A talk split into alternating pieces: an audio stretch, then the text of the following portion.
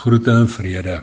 Nou welkom weer eens hier by die kuierplek op die vlak vir nog 'n Kalahari storie. My naam is Haie Kronje en ek in die mooiste mooi woon steeds hier aan die Kalahari kant van die land.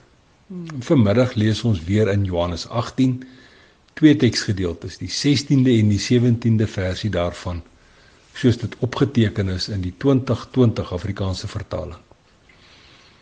Petrus het egter by die deur bly staan. Toe die ander disipel, die een wat aan die hoofpriester bekend was, uitgestap en met die deurwag gaan praat en Petrus na binne gebring. Die diensmeisie wat die deurwag was, sê toe vir Petrus: "Is jy nie ook een van hierdie man se disippels nie?" En hy antwoord: "Ek is nie." Vanmiddag se storie se naam: Vasgeplakte woorde. Ja, ek weet ek is oorig, maar ek moet eers my oë op julle twee kom neersit. Dit voel kompleet al asof julle deesdae langer wegbly as gewoonlik. Kom ek help sommer koffers aandra, beduie Faitjie, skaars nadat Gabriël se stof lêplek gekry en sy ons groot ek toegemaak het.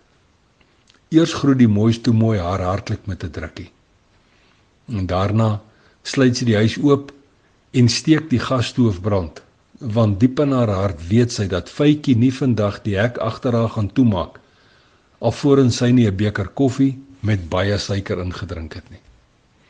O ja, ek wil eintlik net kom nuus afgee.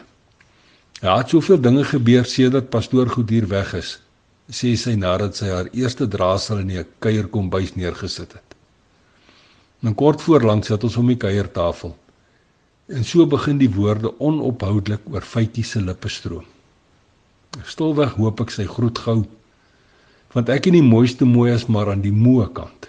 Ons dag op die pad en in die dorp was lank en moeisaam. En daarmee saam lê daar 'n voorwêreld toer aan ons rugkant wat ook heelwat van ons gevra het. Moord en doodslag was sommer heel eerste op Faitjie se lys gewees.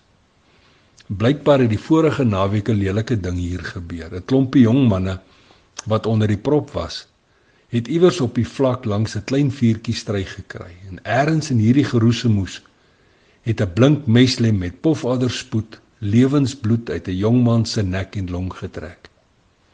'n Noniput se polisie het met blou ligte daar aangekom, maar almal op die vlak is en was doofstom en blind. Hulle woorde is vasgeplak agter hulle lippe en hulle oë het niks gesien nie. 'n Fytjie babbel verder, maar my gedagtes dwaal rond by Petrus en Johannes se optrede. Dis nou daardie aand van die groot verraad. Ek dink die meeste van ons ken die verhaal van Petrus, die hoenderhaan se gekraai en die groot verraai. Jy sien Johannes het vir Petrus daardie aand toegang verkry deurdat hy Petrus aan die diensmeisie voorgestel het. Sy daarenteen soek bloot net bevestiging. En dit is net daar waar Petrus se verraad begin, die eerste van 3 ontkennings, net soos Jesus gesê het. In Johannes, die lieflingsdisipel, hy maak seker hy doen meer as net om sy woorde veilig agter sy lippe vas te plak. Hy doen niks Op hierdie manier verraai hy ook die kerelkind van God met stilte en laksheid.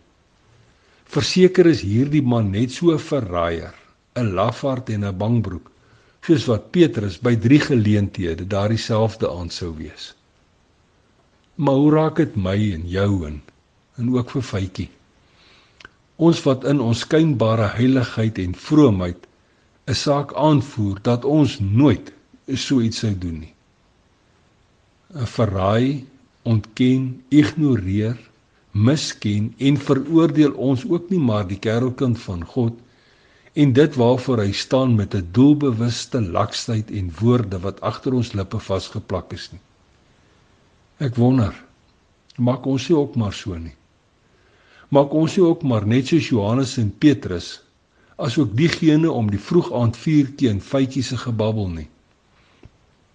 Stil stil maak ek my oë toe en praat met hom wat was en is en weer sal wees. Ek is skuldig, diep skuldig. want by te veel geleenthede swyg ek vanweë my vasgeplakte woorde. En jy? Wat van jou? Nou ja toe. Tot 'n volgende keer. Los mooi spore in Sandkorrelbaai se heuninge.